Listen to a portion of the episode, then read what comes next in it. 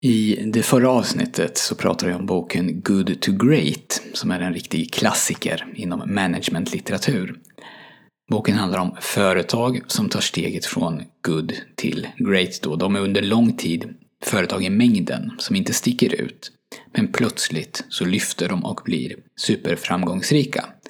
Och jag sa att jag tycker att man kan använda mycket av det som sägs i den här boken Good to Great i sitt eget liv. Det behöver inte handla om organisationer utan de här principerna som författaren Jim Collins presenterar. De kan lika gärna tas ner på individnivå.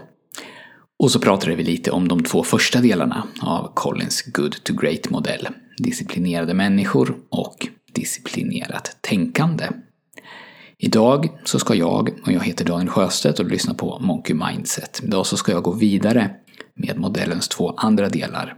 Den tredje delen är disciplinerade handlingar och den fjärde delen är ett svänghjul. Jag kommer komma tillbaka till det sen. Och disciplinerade handlingar följer efter disciplinerade, disciplinerade människor och disciplinerat tänkande. Som en rak linje om du ser det visuellt. Först människor, sedan tänkande och sedan handlingar. Och det här som kallas svänghjul, det snurrar runt de här tre delarna.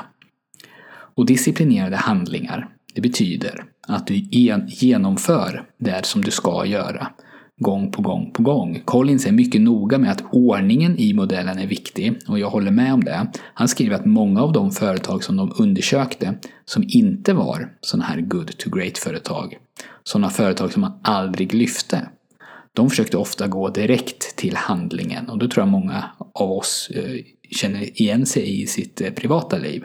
Alltså de brydde sig inte om att först hitta disciplinerade människor.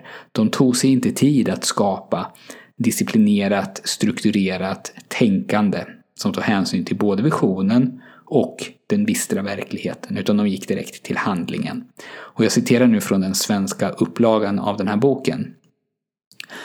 Disciplin i sig leder inte till resultat i mästarklass. Det finns många organisationer med en fantastisk disciplin och som med precision och i räta led marscherar rakt in i fördärvet.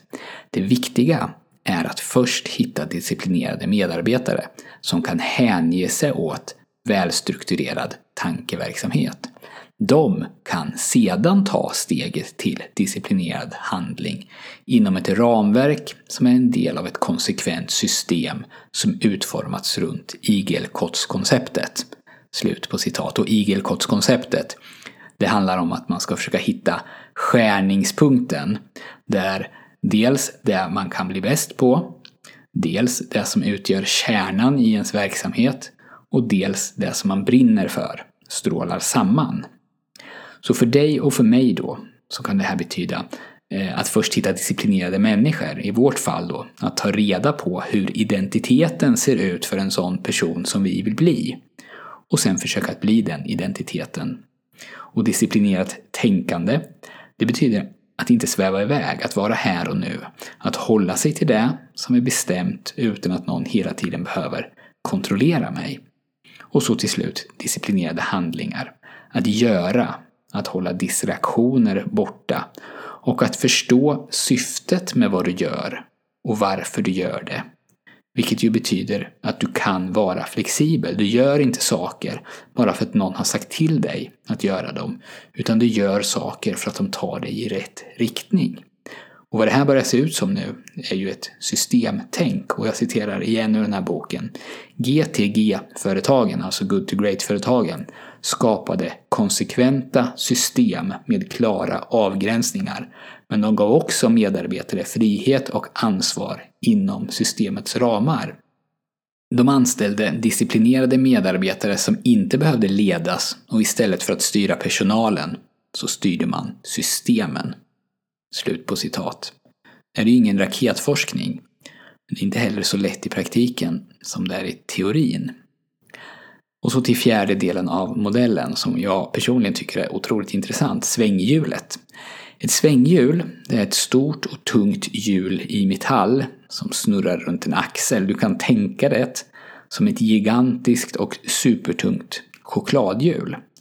När man börjar att försöka snurra på ett svänghjul med bara muskelkraft så rör det sig bara lite, man kan knappt rubba det.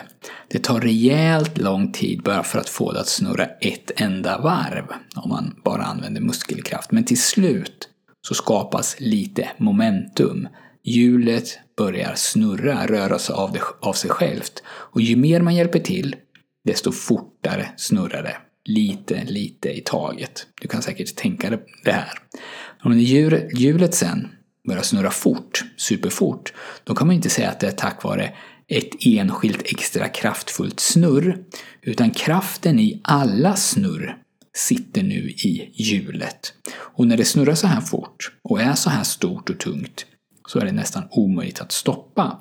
Så man kan se sin verksamhet eller sitt liv så här att man bygger upp momentum genom små enskilda handlingar och att varje liten handling knappt rubbar det här hjulet ensamt men att handlingarna ackumulerats tillsammans och över tid skapar en fart och en kraft som är svår att få stopp på. Det här hjulet snurrar bara fortare och fortare och det här gäller ju såklart också destruktiva handlingar och beteenden.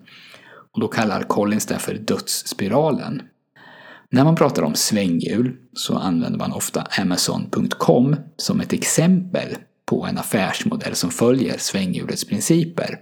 Och då kan man förenklat beskriva det så här att ju större utbud Amazon har, desto fler kunder får man.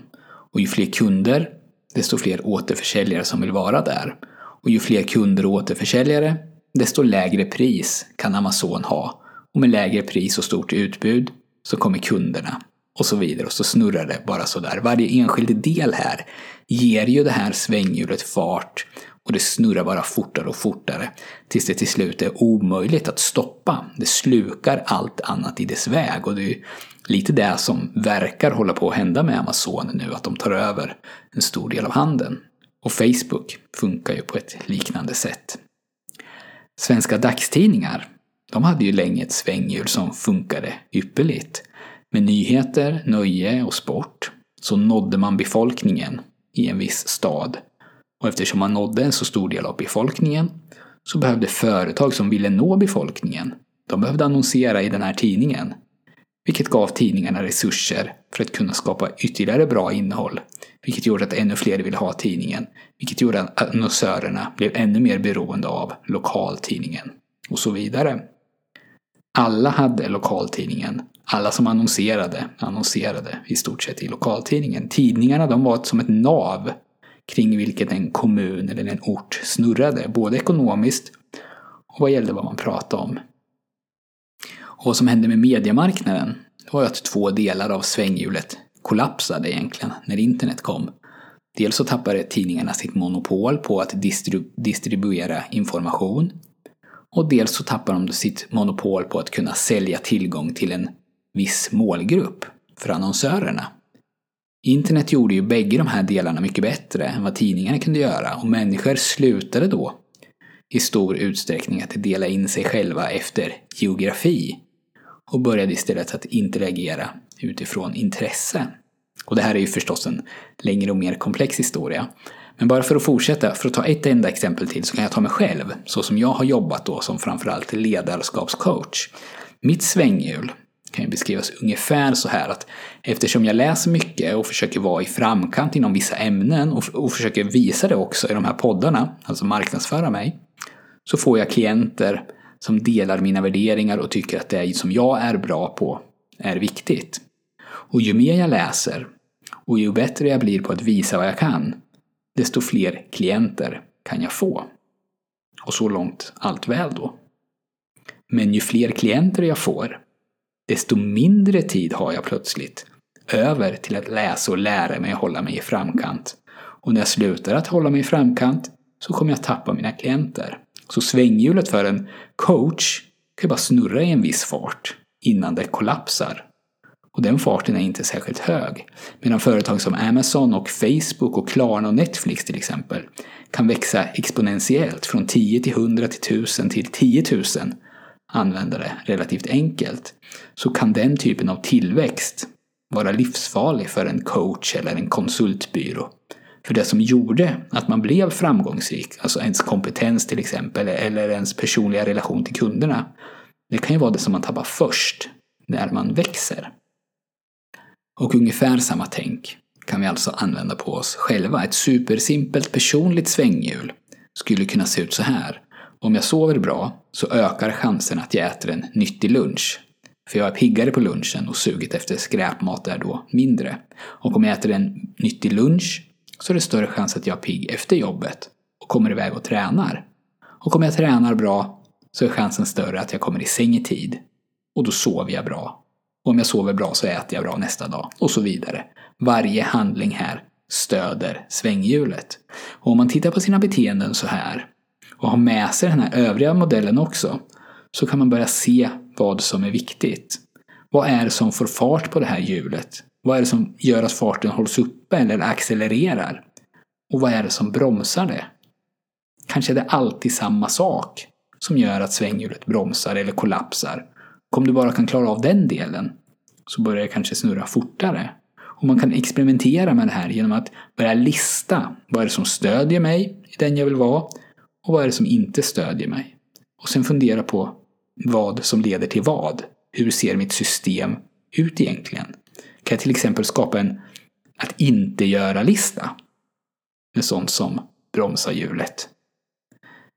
Jag rekommenderar den här boken Good to Great och det finns mycket information om boken på internet. Artiklar, bloggar och videos bland annat. Och svänghjul på engelska det heter flywheel. Så om du vill googla och veta mer om det här så kan du söka på begreppet Good to Great plus flywheel. Det där, det var allt jag hade för den här gången. Om du prenumererar på mitt nyhetsbrev så får du också tillgång till det du behöver för att komma igång med mental träning. Du får bland annat ljudfiler, instruktioner och träningsprogram. Och du prenumererar genom att gå till monkeymindset.se. Ta hand om dig och om du vill så hörs vi igen nästa vecka.